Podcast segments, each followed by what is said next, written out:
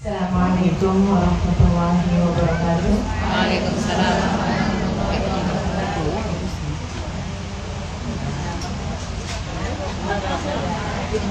Alhamdulillah. Wassalatu wassalamu ala Rasulillah Muhammad ibn Abdullah wa ala alihi wa sahbihi wa man wala. Subhanaka la ilma lana illa ma 'allamtana innaka antal alimul hakim. Rabbi shrah li sadri wa yassir li amri wahlul 'uqdatam min lisani yafqahu qawli amma ba'd. Alhamdulillah Saudariku sekalian yang saya muliakan mobil khusus yang sama-sama kita hormati, kita sayangi Mudiratul Ma'had Ustazah Aisyah Baharun Kita doakan beliau beserta seluruh keluarganya dipanjangkan umurnya Disehatkan badannya Dimurahkan rezekinya Diberkahkan kehidupannya Dikabulkan hajatnya Dimudahkan urusannya. Cinta Allah SWT dan Rasulnya Dibahagiakan hidup dunia akhiratnya. Amin ya Rabbal Alamin Diberkahkan keturunannya insya Allah Mudah-mudahan selalu dalam penjagaan Allah SWT semuanya juga para ustazah, ustazah, para syaraif, para hujat, segenap santriwati dan juga ibu-ibu, teman-teman, kakak-kakak, adik-adik, anak-anak yang semoga semuanya dirahmati, dicintai Allah SWT dimuliakan, disayangi baginda Nabi besar Muhammad sallallahu alaihi wa ala. Diminta memberi nasihat. Saya ikut aja apa yang dinasehatkan oleh Al Habib Zain bin. Kata Habib Zain bin kepada seluruh murid-muridnya, beliau bilang jangan sampai jalanmu melenceng dari jalan para ajdad. Jangan sampai jalanmu melenceng dari jalan para ulama. Jangan sampai kamu memilih jalan yang lain selain dari para jalan orang-orang yang telah sampai kepada Allah Subhanahu wa taala. Dan jalan kita ini apa? Ilmu, amal, sama bersihnya hati. Tiga. Ilmu, amal, bersihnya hati. Gampang diingat, insya Allah jadi bekalan buat kita semuanya sampai di akhir kehidupan. Amin. Ya Rabbal Alamin. Yang pertama ilmu, jangan sampai berhenti belajar. Terus saja belajar. Yang jadi santri belajar, yang jadi ibunya santri belajar, yang jadi murid belajar, yang jadi wali murid belajar, yang belajar di pondok pesantren belajar, yang ngajar di pondok pesantren belajar juga. Terus belajar, kita semua belajar dalam kehidupan. Tapi belajarnya jangan asal belajar. Begitu sekalian, perintah pertama yang datang dalam Islam adalah perintah untuk belajar. Kata Allah dalam Al-Quran, ayat pertama yang diturunkan berbunyi Bismillahirrahmanirrahim Iqra Iqra. Itu ayat pertama yang turun. Kita disuruh belajar Bacalah Kata Allah SWT. Bacalah. Baca itu proses belajar pertama. Baca. Tapi yang dibaca bukan asal tulisan. Baca kehidupan. Baca lingkungan. Baca kehidupan para ulama Baca kehidupan ahli maksiat. Baca kehidupan ahli taat. Oh orang ternyata kalau maksiat jadinya begitu. Oh orang ternyata kalau taat jadinya begitu. Nih zaman sekarang lagi musim corona. Baca. Yang sudah menjaga hidupnya sampai sedemikian rupa Kalau waktunya kena, kena juga Kemarin suami saya cerita Ada orang cukup terkenal di kalangannya usianya sudah 70-an tahun jadi sama cucunya sama anak-anaknya dijagain musim corona gini tidak boleh berjumpa orang, tidak boleh menjumpai orang. Rumah tutup dari tamu. Teman-teman saya sekalian, gak boleh ada yang datang, beliau pun nggak pergi ke mana-mana, tidak pergi ke mana-mana. Dua bulan, tiga bulan kemudian positif corona, sampai meninggal dunia. Heran ini anak-anaknya Sampai kami ketemu bapak kami Ketemu bapak kami nggak salaman ke anaknya Cucu-cucunya Kalau jumpa sama kakeknya nggak salaman teman-teman saya sekalian Nggak ketemu nggak salaman jaga jarak Anaknya Apalagi hadir-hadir majlis seperti ini nggak ada ceritanya. Kok bisa positif corona dari mana? Ternyata ketularan dari dokter pribadinya. Allah nyuruh kita buat ikra bahwasanya Masya Allahu karena wa malam yasha yang aku inginkan terjadi pasti terjadi yang aku tidak inginkan terjadi tidak akan terjadi meski orang sedunia mengupayakannya padamu. Tangannya lima April. Tidak ada yang bisa mencegah ketika aku hendak memberi. Wala mu'ti lima mana'at. Gak ada yang bisa ngasih kata Allah kalau aku mau mencegahnya. Wala radda lima qadait tidak ada yang bisa menolak ketika aku sudah memberikan keputusan la yanfa dan jadi minkal jad usaha siapa pun tidak akan berpengaruh jika tidak bisa ber, tidak berbarengan dengan takdir takdirku kita disuruh baca. Jadi sekali keadaan, keadaan. Karenanya takut sama penyakit boleh, tapi jangan sampai ketakutanmu terhadap penyakit lebih besar daripada ketakutanmu kepada sang pemberi penyakit. Corona itu makhluknya Allah, jangan lupa. Dan sebagai makhluk ia berada dalam kendali pemiliknya. Betul? Oh, minta sama yang punya yang punya corona siapa? Allah wa minta sama buat dijagain minta sama Allah buat dilindungi jadi kita nggak usah pakai masker nih usah pakai pakai aja. Sebagai bentuk ikhtiar silahkan aja. Ustaz nggak pakai? Ya saya nggak pakai memang. Teman-teman saya sekalian saya melihatkan karena saya pakai cadar kan kalau keluar. Iqra sama Allah kita disuruh baca. Baca kehidupan baca kejadian baca apa pun aja yang terjadi baca terus kita baca.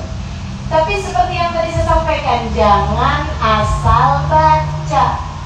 Iqra'nya bukan asal iqra tapi harus iqra bismi rabbikal Bismikal Iqra bismi Rabbikal Rabbikal khalaq. Iqra.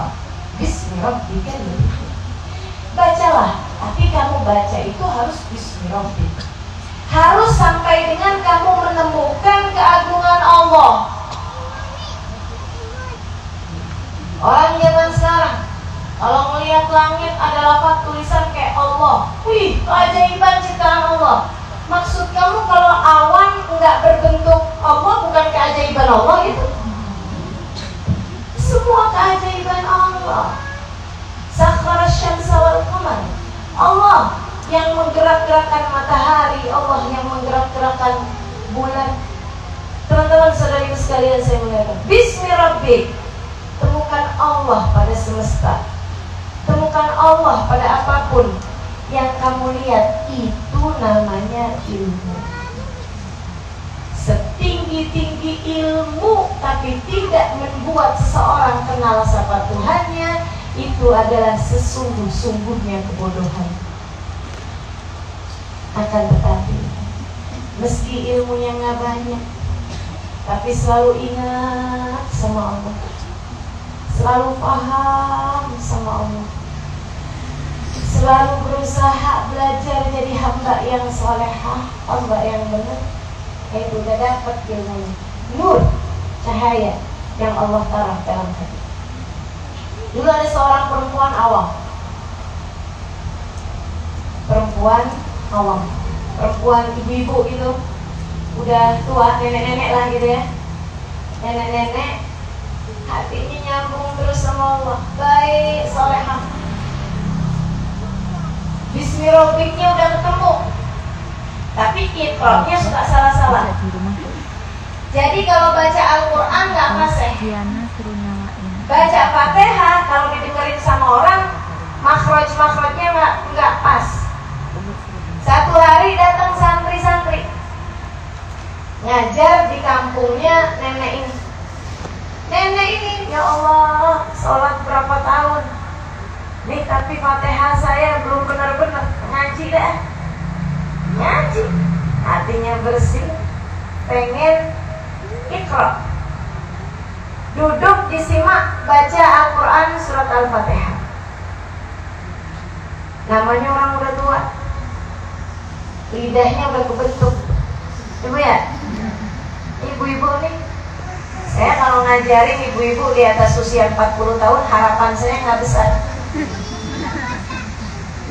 Jangankan bulan depan minggu depan ditanya kemarin belajar apaan? Nggak usah nggak usah minggu depan. Baru habis selesai ngaji tadi sudah Halimah ngomong apaan? Bagus kan apaan? Ah udah pokoknya habis pokoknya tentang Allah tentang Rasulnya. Ya iya. Masa saya mau ngomongin pejabat ya nggak mungkin. Masya Allah. Teman-teman sih sekalian. Saya muliakan ya orang awam ibu-ibu ini. Lidahnya udah kebentuk diajarin siratal ladina an'amta alaihim siratal ladina an'amta alaihim an'amta alaihim an'amta alaihim an'amta alaihim repot sampai akhirnya si santri ini kesel ibu nih belajar makan yang benar. Si nenek-nenek ini kesel digituin sama orang tua udah kalau gitu saya ngomong aja dah. Ngambek. Dimarahin sama anak kecil. Beliau berdiri. Keluar dari majelis tersebut mau pulang. Si santri ini si yang ngajarin tadi ini pas juga keluar. Tahu-tahu si santri ini ngeliat nenek-nenek tadi ini mau pulang ke rumahnya lewatin sungai. Sebetulnya memang depannya itu sungai lewatin sungai cukup dengan jalan di atas sungai. Jalan aja di atas sungai kayak ada kayak ada jembatannya padahal nggak ada jembatannya wih walia saya marahin tadi gara-gara pakaiannya nggak bener ya ampun misalnya ini gimana caranya mau ikut di belakang belum dong si nenek-nenek ini di tengah jalan dia bilang ya Allah jadi hamba kok nggak bener diajarin sama orang. Suratul fatihah turun kepada Nabi Muhammad. Firmannya Allah saya lagi dibenerin bacaannya. Kok saya nggak sabar belajar? Malah dia ngamuk dia marah si santri ini tadi. Saya ikutan marahin dia lagi. Astagfirullah ini diri ini kok gak bener sama sekali ini? Ya Allah jangan ya Allah jangan kau usir hambamu dari sisimu kok masih belum bener aja ngadepin hawa nafsu padahal terhadap orang yang telah berbuat baik mau mengajarkan kepada saya surat Al-Fatihah? Mau minta maaf sama si santri itu dan mau belajar lagi surat Al-Fatihah. Putar balik dia. Gampang aja jalannya di atas air. Dia balik arah langkah melangkah sampai ke tempat tadi. Si santri ingat oh balik. Alhamdulillah. Rupanya nih waliyah waliyah ini tahu apa yang saya inginkan pokoknya sampai balik lagi. Rupanya Allah hijabah Masya Allah Masya Allah. Begitu nyampe ketemu dia nyamperin dia bilang oh bapak maafkan saya tadi saya marah padamu orang tua tadi ini nenek tadi ini. Nah maafkan saya karena saya tadi juga telah marah kepadamu. Ajarkan saya kembali surat Al-Fatihah seperti mana engkau tadi telah mengajarkannya. Ikra Bismi Rabbikal ladzi Eh, ada orang-orang yang ikroknya nggak benar. Bacaan Fatihahnya, bacaan-bacaan salat, gerakan salat kurang benar, tapi hatinya udah Bismi Rabbikal ladzi Menemukan Allah yang telah menciptakan. Teman-teman saya sekalian saya muliakan. Ilmu tapi yang sampai membuatmu kenal sama Allah. Ilmu belajar terus. Yang sampai membuatmu kenal siapa Nabi Muhammad. Sampai membuatmu paham. Katanya para ulama kita sampai membuatmu paham inna akramakum indallahi atqakum. Bahwa yang paling mulia di antara manusia adalah baginda Nabi Muhammad manusia yang paling bertakwa. Sebagaimana Nabi Muhammad pernah mengatakan innama ana atzqakum sesungguhnya aku adalah manusia paling mulia di antara kalian. Jadi tafsirnya inna akramakum indallahi atqakum. Sebagian para ulama mentafsir seperti yang adik-adik biasa dengar. Sungguhnya manusia paling mulia di sisi Allah adalah yang paling bertakwa. Siapa aja di antara kita yang paling bertakwa, yang paling mulia? Ya, banyak yang mentafsirkan seperti itu. Tapi banyak juga yang mentafsirkan inna akramakum indallahi atqakum ayyin nabi sallallahu alaihi wasallam. Sungguhnya manusia paling bertakwa di antara kalian adalah baginda Nabi Muhammad sallallahu alaihi wasallam. Sebab Nabi Muhammad adalah atqanas adalah manusia yang paling bertakwa sampai membuatmu paham siapa Nabi Muhammad? Sampai membuatmu ngerti siapa Nabi Muhammad? Sampai membuatmu cinta kepada Nabi Muhammad? Ini yang bisa nyelamatin. Saya punya kawan mualaf Cina. Dulunya tinggal di Surabaya kemudian tinggal di Jakarta hijrah di mana majelis maulid, di mana majelis sholawat, saya ketemu sama dia. Sampai saya kirain rumahnya dekat aja. Ternyata satu hari diundang saya ke rumahnya, rumahnya jauh banget. Aduh, gang-gang masuk-masuk jauh banget. Sampai saya tanya ya, Kak, berarti kalau hadir majelis itu dari rumah sini? Iya, Ustazah. Berangkatnya berapa, Kak? Jam 6, Ustazah. Majelisnya berada jam 9, jam 8 dia berangkat dari jam 6 pagi. Habis selesai majelis saya tanyain, sejak kapan kak masuk Islam? Dari kecil sudah orang tua saya masuk Islam, Cina dua-dua. Dia bilang saya dan seluruh saudara-saudara dipaksa masuk Islam. Dipaksa masuk Islam. Dulu gak senang rasanya masuk Islam. Karena kan orang Islam harus sholat, mana bapak ibu maksain kita buat sholat pagi-pagi ngantuk-ngantuk subuh-subuh dibangunin buat sholat tuh rasanya sampai kayaknya nyesel gitu. Kenapa sih bapak ibu dapat hidayah? Jadi akhirnya maksain anak-anaknya buat ikut dapat hidayah juga. Dipaksa masuk Islam dia bilang tapi sekarang-sekarang belakangan udah nikah udah kenal majelis ya Allah sudah sesuatu nangis sama Allah. Saya bilang ya Allah makasih, ya Allah makasih. Makasih ya Allah saya sudah kau kenalkan dengan Islam. Alhamdulillah orang tua saya masuk Islam. Alhamdulillah. Saya tanya emang kenapa gitu kak? Maksudnya apa yang bikin kamu paling bersyukur gitu dalam Islam? Dia bilang, Ustazah kalau saya nggak Islam kayak gimana coba Ustazah? Saya pasti nggak bakalan kenal sama Nabi Muhammad.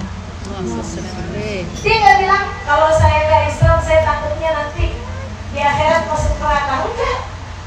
Ya Allah kayak apa rasanya Ustaz? Kalau saya nggak Islam saya nggak kenal sama Nabi Sallallahu alaihi wa ala alihi. Belajar terus sampai membuatmu paham siapa baginda Nabi besar Muhammad sallallahu alaihi wa ala alihi terus belajar sampai membuatmu betapa sangat mungkinnya untuk mendekat kepada baginda Nabi besar Muhammad SAW untuk membuatmu kalau lagi berasa sedih kamu bilang pada dirimu ngapain sedih saya umatnya Nabi Muhammad? Duduk baca salawat Nabi duduk ucap salam sama Nabi ya Allah kata Habib Umar bin Habib mana Rabb ya Rabb wa wasilatuna Habibunal Mukarrab Gak ada yang perlu disedihkan dalam hidupmu. Kamu seharusnya selalu berbahagia sebab bersamamu ada Tuhan seindah-indah Tuhan. Sebab kamu kenal sama seindah-indah Tuhan yang mengatur hidupmu dan bersamamu ada seindah-indah perantara baginda Nabi besar Muhammad Sallallahu alaihi wasallam. Waktu satu hari saya diundang ke Oman untuk memberikan semacam daurah santren kilat di Solala diundang oleh Bapak Bahia satu waktu kajiannya menerangkan tentang sholat khusyuk. Saya pun terangkan tentang sholat khusyuk itu seperti apa bagaimana contoh-contohnya? Saya bawain contoh. Ali Zainal Abidin sholat rumahnya kebakaran gak berasa. Saya bawain contoh. Sayyidina Abu Bakar As-Sakran Ibn Abdurrahman Asgaf Beliau sholat dioperasi. Dioperasi. Benar-benar dioperasi. Digunting Kulitnya Digergaji tulangnya Beliau sholat dioperasi Dan beliau tidak sadar bahwa beliau sedang beroperasi Sedang dioperasi kalau beliau ruku, dokter-dokter ikutan menunduk. Gara-garanya beliau sakit ada penyakit di punggungnya, pergi ke dokter, kata dokter semacam tumor. Ini harus diangkat kalau enggak bakalan berbahaya begitu. Oh iya angkat dah kalau gitu. Sebelum dioperasi sama dokternya ngasih minuman keras. Zaman itu belum ada bius, belum ada bius lokal, jadi sama mereka dikasih segelas homer, segelas minuman keras. Dia bilang silahkan diminum, Bib. Buat apa ini? Apa ini? Ini homer, Bib, minuman keras. Oh, haram. Ya, tapi kan mau dioperasi, Bib. Biar apa? Biar Habib nggak sadar. Nanti kalau nggak sadar kita gampang operasinya. Tapi selagi Habib masih sadar, kita susah mau operasinya. Habib kan sakit banget, kesian Habib. Gimana nggak sakit dioperasi kalau saya sekali? Kata Habibnya, oh enggak, anak enggak bakalan mau menuju taat dengan maksiat. Ini kan namanya menuju taat dengan maksiat. Walaupun sebenarnya la haram darurat, enggak ada hukum haram bersama dengan adanya darurat dan itu termasuk darurat. Hukum haramnya hilang. Tapi Habibnya tetap dia bilang saya nggak mau menuju taat dengan jalan maksiat. Kalau memang mau operasi untuk bikin saya nggak sadar gampang. Saya kalau lagi sholat nggak sadar apa-apa. Operasikan ketika saya sedang sholat. Dioperasi. Beliau lagi sholat dioperasi. Selesai sholat beliau malah nggak sadar apa-apa. Kenapa kalian dokter-dokter diem aja? Operasi tadi itu waktu saya sholat. Udah selesai gitu nggak sadar. Nggak ngerasa. Masya Allah. Saking deketnya Allah saya lagi ngasih pelajaran seperti itu sama sama jamaah di Solala, teman-teman di sana. Mik saya dirampas sama Baba Bahia. Katanya Baba Bahia, nggak gitu, Halimah nggak gitu. Mushak ya Halimah Saya bilang maksudnya gimana tuh Baba? Dia bilang kamu kejauhan nak.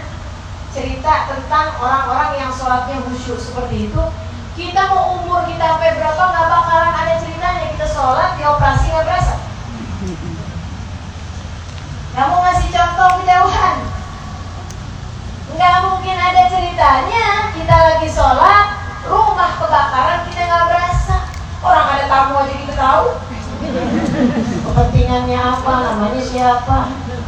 Tahu semua. Masya Allah. Mau ngundang katanya, acara kawinan. Udah kita pikirin pakai baju yang mana. Ya Allah, ya Allah.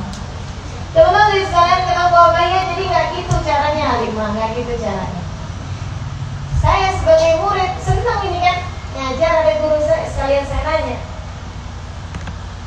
Bu Bapak kita nggak bisa sampai kepada Allah dengan jalan sholat nggak bisa. Nggak mungkin. Kita bisa sampai kepada Allah dengan jalan sholat khusyuk. Kita sholat.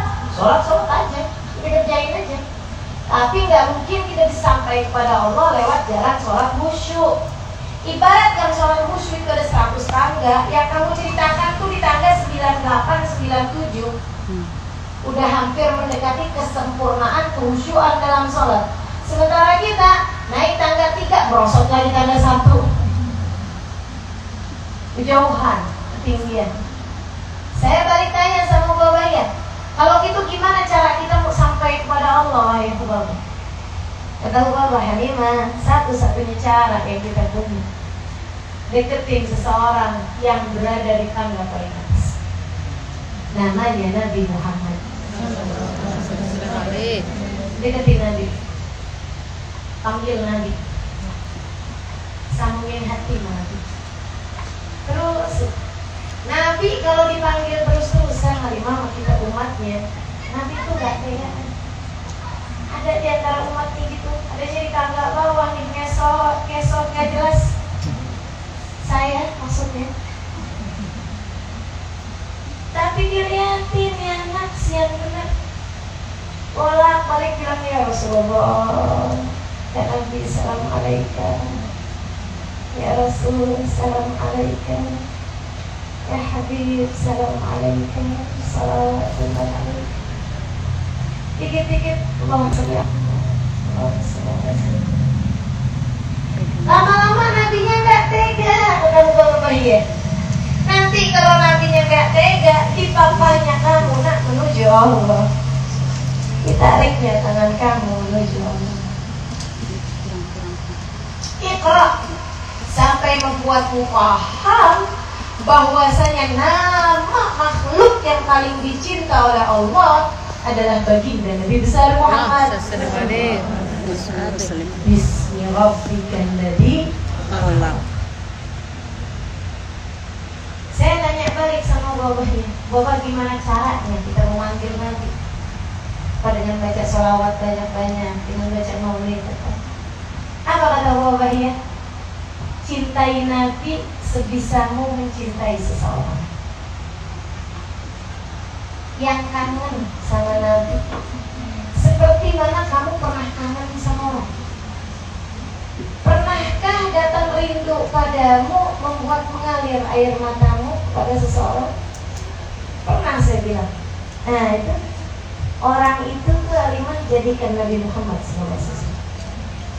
Kalau kamu bisa kangen-kangen sama Nabi, kalau kamu bisa sayang-sayang sama Nabi, kamu bisa rindu Nabi, bisa cinta Nabi, seperti kamu mencintai orang yang paling kamu sayangi di atas muka bumi ini, maka Nabi tidak akan pernah menolak cinta seseorang. Cinta kepada Nabi tak pernah bertepuk sebelah tangan. Alhamdulillah. Nabi itu kalau dicinta nggak pandang bulu. Siapa aja yang mencintai Nabi bakal dicinta balik sama Nabi. Alhamdulillah. Ya Allah, kalau Nabi pandang bulu, kalau Nabi melihat orang, orang-orang kayak kita masa pantas sama Nabi Muhammad. Nabinya hatinya nggak pernah sama orang. Kita kerjaan suudon mulu sama orang. Nabinya nggak pernah ngomong kasar, nggak pernah bohong. Kita sering banget ngerjain dia begitu. Wah, untung aja Nabi nggak pakai pandang bulu. Alhamdulillah. Ikhra, untung sih sekali. Baca, terus belajar, terus saja sampai kamu bisa menemukan Allah, sampai kamu bisa menemukan Nabi Muhammad. Belajar. Yang kedua, aman. Jangan cuma tahu tapi nggak dikerjain. Jangan cuma asal ngerti berilmu tapi nggak pernah kerjain nggak ada artinya apa-apa katanya Ustadz Muhammad Al-Hamid baru meninggal. Di Jakarta orang menyebutnya Mat Bulu karena tinggal di Jalan Bulu Ustadz Muhammad. Ustadznya orang Jakarta. Senengannya ngajar sama tukang-tukang ojek. Senengannya ngajar sama kaum-kaum e, pinggiran. Ntar kumpul-kumpul mereka diajarin sholat, terbangun musola, barengan sama orang-orang itu Orang-orang yang rumah-rumahnya tinggal di bawah-bawah jembatan Itu Ustaz Muhammad Al-Hamid, Masya Allah. Baru meninggal beberapa hari yang lalu sebelum saya datang ke sini. Itu meninggal dunia beliau Teman-teman saya sekalian Beliau pernah ngomong sama salah satu Ustaz di Jakarta. Dia bilang, Ustaz, kalau bicara ilmu nih, setan masih lebih pintar dari kita. Iblis tuh lebih pintar daripada kita bicara ilmu. Kayak pengalaman teman saya sekalian. Iblis itu pengalaman belajarnya dari zaman Nabi Adam sampai sekarang nggak mati-mati. Jadinya ilmu segala ilmu tahu, hukum segala hukum agama paham.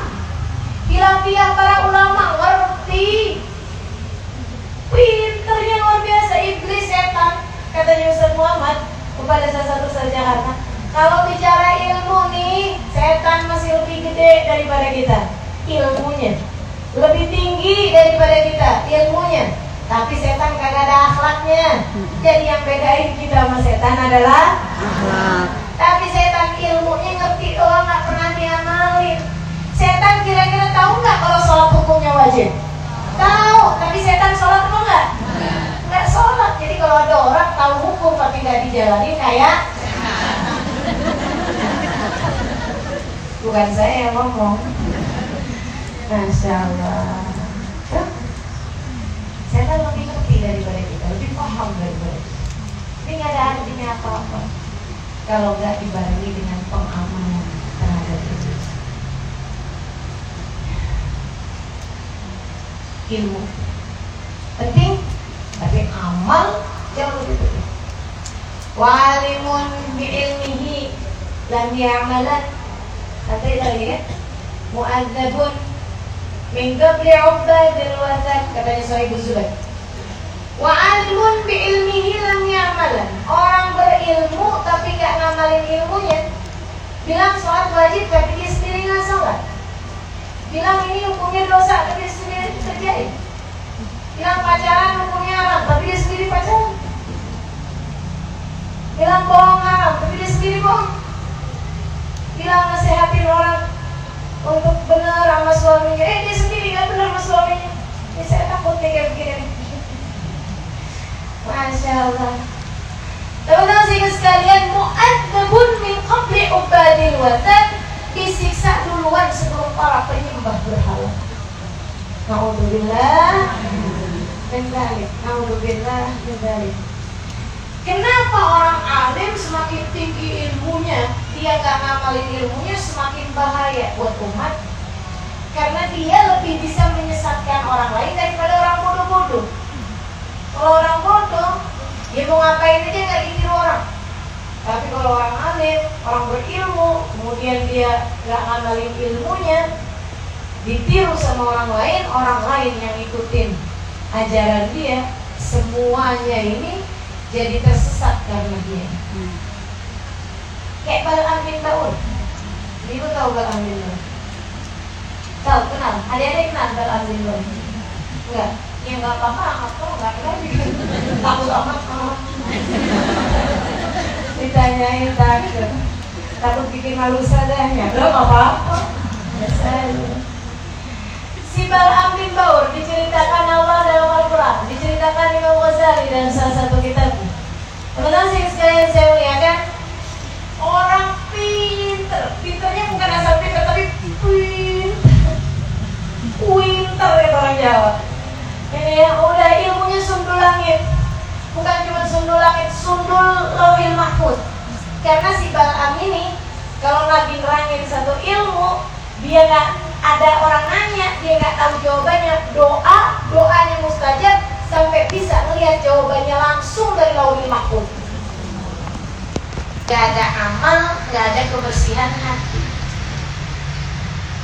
Satu waktu datang Nabi Musa di kampung itu. Misalnya si Balaam ini orang Pekalongan, misal. Datang Nabi Musa. Nabi Musa ini misalnya aslinya tinggal di Jakarta. Datang ke Pekalongan. Orang Pekalongan. Orang Pekalongan begitu Nabi Musa datang, semuanya kan pada datang ke Nabi Musa. Majelisnya Balaam yang biasanya ada rutin misalnya hari apa hari apa ditinggalin orang. Semuanya pada duduk bersama dengan Nabi Musa.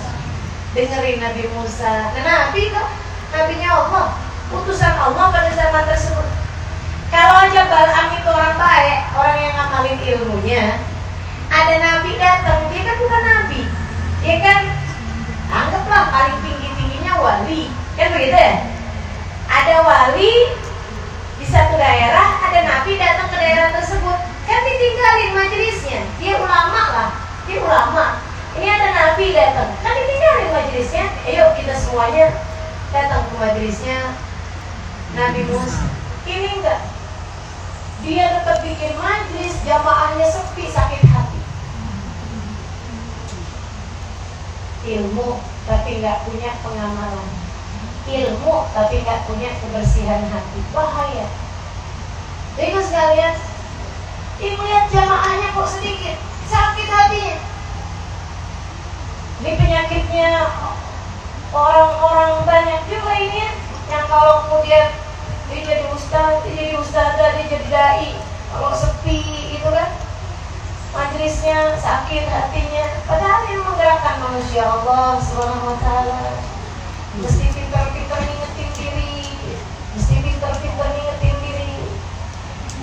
ada orang mau deketin kita ada orang mau jauhin kita. Nggak jadi soal nggak jadi masalah. Ada orang nyakitin kita ada orang nyenengin kita. Alhamdulillah emang jadi manusia mesti gitu. Kalau semua orang senang semua sama kita serem malah. Ngeri malah. Jadi Fir'aun kita nanti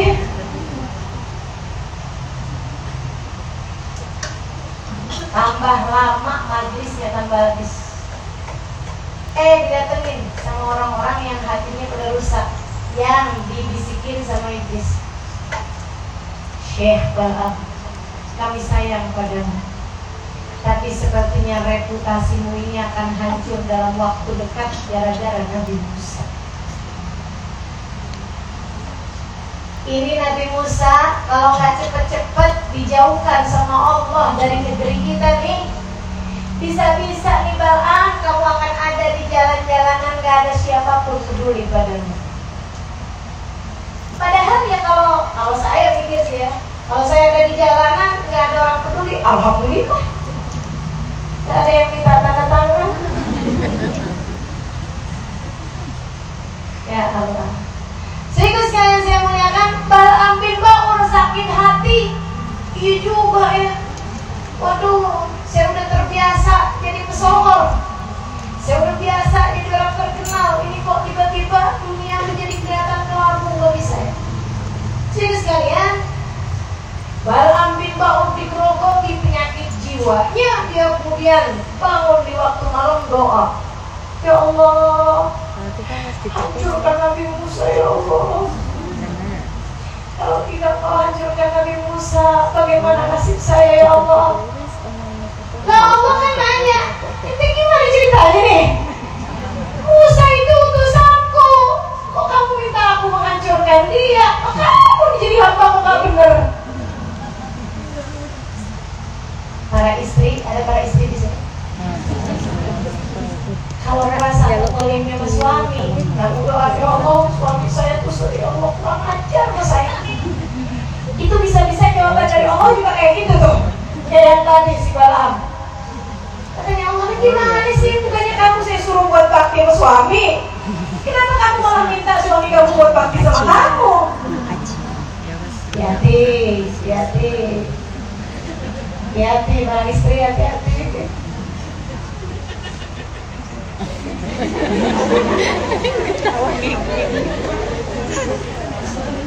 Rasa diri terkolimi padahal di sisi Allah justru minat zalimin Justru termasuk di antara orang yang telah berbuat Balaam bin Baur merasa dirinya terbolimi, tersakiti, menderita, merana, udah gelisah, uh, udah. Bawa dah. Gara-gara Nabi Musa. Padahal kan dia yang zalim, padahal dia yang salah. Mestinya dia ikutan ngambil berkah dari Nabi Musa. Baru kena. Terus ketika murka nggak main-main, dicabut imannya, dicabut imannya. Sehingga katanya para ahli-ahli tafsir mengatakan Balaam bin Baur ini ibu sekalian orang pertama Orang pertama yang mengatakan alam semesta nggak ada Tuhannya Jadi ateis pertama itu Balaam bin Baur Sampai sekarang orang kalau ikutan ajaran ateis Mengatakan bahwa alam semesta ini terjadi dengan sendirinya nggak ada Tuhannya gitu ya Jangan percaya sama Tuhan segala macam Itu Balaam bin Baur ikut serta dapat dosanya Allah cerita tentang si Bal'am bin Baur فَمَثَلُهُ كَمَثَلِ الْكَلْبِ إِنْ تَحْمِلْ عَلَيْهِ يَلْهَثْ أَوْ تَتْرُكْهُ يَلْهَثْ Perumpamaannya orang ini nih, si Bal'am bin Baur ini kata Allah persis kayak anjing. In tahmil alaihi yalhad. Kalau kamu usir dia, dia menggonggong-gonggong, bukan menggonggong, men menjulur-julurkan lidahnya. Kayak gitu. Saya udah cocok pemimpin. Famadaluhu kama dalil kalbi. Nauzubillah min dzalik. Perumpamaannya persis kayak anjing. Kamu usir dia, dia menjulur-julurkan lidahnya. Auta yalhad, kamu biar-biarin dia juga menjulur-julurkan lidahnya. Ibu, dek, kak, kita nih dianjing-anjingin sama orang aja sakit hati. Gimana dengan Bal'am dianjing-anjingin sama Allah Subhanahu wa taala? Allah kalau Quran nggak tanggung-tanggung hati-hati punya ilmu tapi nggak dibarengi dengan amal nggak dibarengi dengan kebersihan hati kayak Bal'am bin Baur serem teman-teman sekalian. Mudah-mudahan Allah jaga kita semua. Allah jaga para ulama-ulama. Allah jaga para santri-santri biar belajar dengan niat yang benar. Biar bisa jadi para hadi muhtadi orang yang berada di jalan yang benar dan bisa memberi petunjuk pada jalan yang benar. Wairotolin wala mubidin jangan ada seorang di antara kita yang tersesat dan menyesatkan orang lain. Amin. Satu ilmu dua amal. Yang sedikit yang kamu tahu amalin.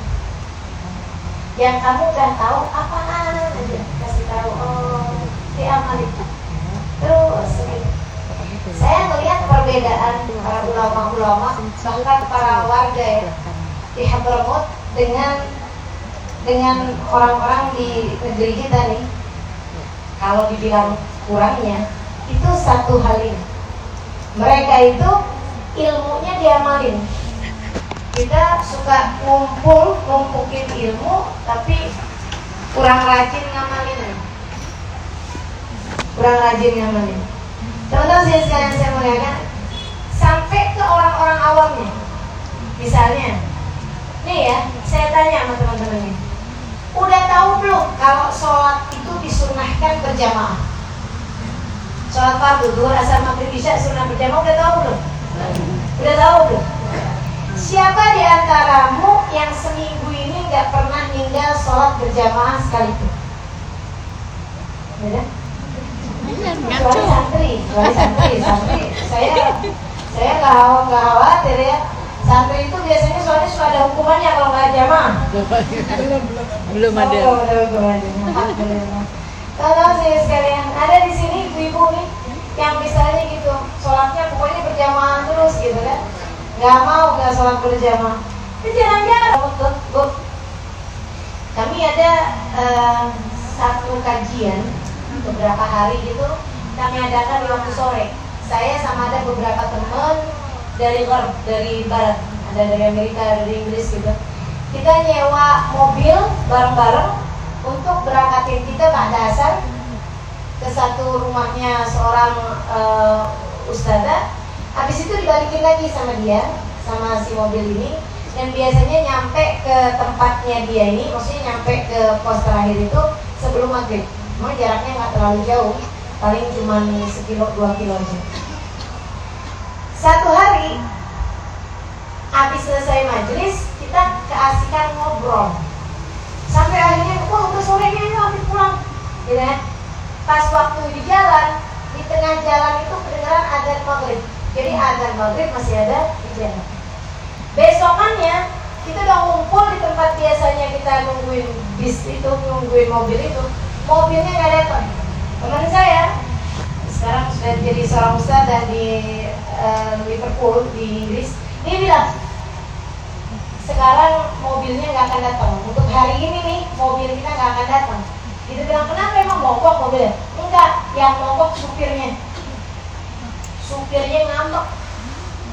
Dia yang kemarin turunnya paling terakhir dia yang ngasih uang Ustazah Najibah ini. Dia bilang supirnya ngambek supirnya nggak mau. Kesel marah sama saya dia bilang waktu kemarin saya kasih duitnya duitnya dilempar saya.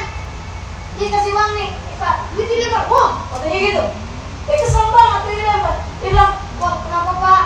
Maaf nih pak. Kalian tuh terlambat katanya gitu. Ya udah pak itu tambahin lagi pak duitnya pak. Nggak perlu saya sama duit kamu. Gara-gara kamu nih pelajar macam apa kamu ini? Emang kenapa sih pak? Ustazah juga ketakutan. Dia bilang saya istiqomah sholat maghrib di masjid Pak Alawi berpuluh tahun lamanya nggak pernah saya tinggal. Gara-gara kamu nih yang katanya santri-santri pelajar-pelajar malah bikin saya jadi sholat maghrib yang nggak bisa jamaah di masjid Pak Alawi itu supir. Supirnya bisa istiqomah sholat di masjid. Sholat di masjid berpuluh tahun lamanya. Antara maghrib sama isya nggak pernah tinggal duduk di masjid sampai isya selama berpuluh-puluh tahun di hidupnya. Mereka itu punya ilmu di Madinah eh kita belajar adik-adik jangan hanya ketika kamu di pondok kamu sholat berjamaah begitu pulang udah lewat jamaahnya. Jangan. Belajar untuk di rumah juga tetap jamaah. Ibu-ibu juga gitu kakak-kakak juga gitu. Sama siapa jamaah? Sama suami bisa sama anak bisa sama anak perempuan bisa bahkan sama pembantu rumah tangga kita bisa. Sama teman kita bisa. Usahakan niat dari sekarang. Ya Allah saya kepengen sholatnya berjamaah amalin ilmu. Saya ingat Kubaba Zahra. Kubaba Zahra itu ibunda Habib Umar bin Habib guru saya, guru kita semua. Mertua Kubaba Nur berarti kan Kubaba Zahra. Seumur hidupnya hampir-hampir selalu aja tahajud satu hari beliau agak capek banget capek banget dan agak sakit gitu ya. Sampai beliau bangun adan anak-anaknya yang udah bangun tahajud mau bangunin ibunya kayaknya Umi lagi sakit kayaknya Umi lagi capek biarin aja. Umi begitu dengar adan bangun kaget nangis. Nangis Umi itu sambil bilang sameh ya Allah sameh ya Allah ampunin ya Allah saya ini hamba kayak gini ampunin ya Allah ampunin ya Allah. Terus sampai pagi. Ampunin ya Allah lewat tahajud ya Allah kayak apa nih saya ini? Ampunin ya Allah. Hamba-hamba tercinta di sisi Allah SWT dibarengin bersama dengan ilmu amal sehingga sekalian mereka ilmunya banyak amalnya lebih banyak belajar kita untuk ada di jalan mereka. Jalan para ulama amili jalan Sayyidah Fatimah Zahra. Jalan ayahnya Sayyidah Fatimah Zahra. Jalan anak-anaknya Sayyidah Fatimah Zahra. Jalan cucu-cucunya Sayyidah Fatimah Zahra. Jalan orang-orang mulia. Siratal ladina an'amta alaihim. Di antara mereka milik nabiyyin wa siddiqin wa syuhada wa salihin jalan yang ini. Kita meminta kepada Allah Subhanahu wa taala. Sawama qawama Sayyidah Fatimah. Ahli ibadah waktu malam. Ahli lapar di waktu siang. Khidmah sama keluarga. Istri yang solehah sama suami. Anak yang paling bakti sama orang tua. Masya Allah Masya Allah. Ilmu yang diiringi dengan pengamalan ilmu sama amal. Dan yang terakhirnya bersihnya hati. Yuk pelajaran. Buat maafin siapa pun yang pernah bikin salah sama kita. Jangan pernah mau naruh dendam dalam hati. Kamu tidak sayang sama dirimu jika kamu melakukan itu. Saya nggak akan pernah bisa maafin si fulana. Kenapa gitu yang rebut suami saya kapan? 40 tahun yang lalu. Sekarang laki-laki itu di mana? Di kuburan. Bu, udah dah. Sekali lagi kamu harus ingetin diri gak ada sesuatu terjadi kecuali dengan izin Berarti kalau suami suami direbut orang juga dengan izin Allah, saudara. Walaupun itu sakit tapi Walaupun itu berat tapi iya, teman-teman saya sekalian. Allah kok ngizinin sih Ustazah ada pelakor? Kenapa Allah mengizinkan ada pelakor dalam hidup dunia ini ya? Berebut laki orang, kenapa gitu? Untuk pelajaran padamu bahwa cinta yang paling pantas dipertahankan hanyalah cintanya Allah. Untuk mengajarimu bahwanya Allah yang bisa menyayangimu tanpa pandang waktu. Hanya Allah. Makanya kalau lagi suami berpaling hati waktumu untuk mengangkat tangan kemudian berdoa, Ya Allah, meski siapa pun berpaling dariku, Engkau satu jangan pernah berpaling dariku ya Allah Jangan pernah tinggalkan aku. Ketika siapa pun sedang meninggalkan aku. Tapi kan sedih Ustaz dari Kalau gitu doanya nampak ya Allah. Ditinggalin manusia aja sesedih ini. Gimana kalau engkau yang meninggalkan aku ya Allah? Tawasul Nabi Muhammad Rasul. Ditinggalin orang di dunia kayak gini loh sakit hatinya Gimana kalau engkau meninggalkanku di akhirat nanti sehingga aku tidak mendapatkan syafaatmu? Seperti apa penyesalanku pada hari ini? Iringi setiap ilmu dengan pengamalan dan bersihnya hati. Jauh-jauh, buang jauh-jauh semua dendam, semua permusuhan, semua bom yang buruk-buruk, persangkaan buruk sama orang. Ya, nggak usah terlalu mikir-mikir kenapa sih orang itu perlakuannya sama saya kayak gini, kenapa sih si itu nggak senang sama saya. Nggak usah jadi prioritasmu teman-teman saya sekalian. Orang yang mulia bakal muliain siapa pun. Orang yang hina bakal menghina orang lain. Jadi kalau ada orang kerjaannya suka menghina-hina kamu, biarin dia aja, dia orang yang hina. Mau menghina-hina kamu, kamu jangan. Tetaplah muliakan orang, tetaplah mencintai orang, tetaplah menyayangi orang, dan menjadikan perlakuan kita kepada siapa pun sebagai bagian dari kita mengamalkan ilmu yang sudah kita dapat, bagian dari kita memuliakan Allah Subhanahu wa taala dan Rasulnya. Gitu. Diapain aja sama orang? Saya salah satu ulama dulu. Aman tetangganya dikerjain. Ulama satu ini. Oh, soleh banget. Eh mau uji dah. Orang kurang baik, orang kurang soleh, kurang kaya raya. Panggilin. Dia suruh pelayannya buat panggil. Manggil Syekh. Syekh, hari ini Syekh diundang makan sama tetangga, sama tuan. Oh iya. Dia rapi-rapi situ. Nyampe ketemu sama orangnya, ngapain Syekh kamu ke sini? Katanya saya diundang, enggak, saya nggak undang. Ya kalau gitu saya pamitan. Wah, senyum dia hilang. Baru nyampe di rumah berapa menit, ada lagi pelayan, yang lain lagi. Syekh, Syekh diundang. Sama itu Syekh ditungguin orang. Oh, ya, datang lagi. Si orang tadi ini, si uh, pemuda tadi ini, dia bilang ngapain kamu ke sini Syekh? Katanya saya diundang. Enggak, siapa yang undang? Oh, kalau gitu saya pamitan. Senyumnya nggak hilang. Bayangin kalau kita yang digituin. Padahal kita nggak semulia Syekh itu. Padahal kita nggak semulia Syekh itu, teman-teman saya sekalian. Ini padahal orang mulia, semulia-mulianya Digituin sama seorang pemuda. Ayah-ayah di kampungnya ini yang tetangganya dia.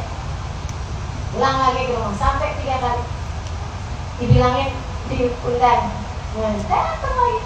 Assalamualaikum warahmatullahi Saya ngapain kamu ke sini? Saya katanya diundang. Tadi itu ke pelayannya bilang Oh enggak, saya, oh iya aku ke sini Saya sebentar, sebentar, sebentar saya tuh cuma heran sama kamu sih kok mau maunya kamu itu? Saya kerjain kayak begini. Enggak. Iya kok kamu saya kerjain enggak kamu merasa kerjain saya silahkan. Tapi saya tidak pernah merasa dikerjain sama kamu.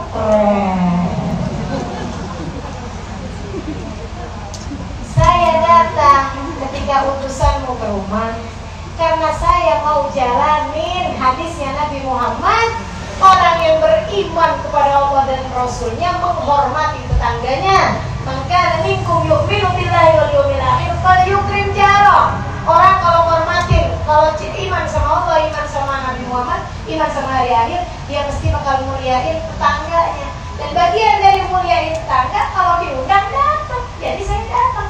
Bukan karena kamu jangan salah saya datang karena Allah saya datang karena ngamalin ilmu saya yang Nabi Muhammad bilang nyuruh hormatin tetangga. Kamu bilang pulang, ya saya jalanin perintah Allah. Kamu bilang datang lagi, saya jalanin lagi perintah Allah.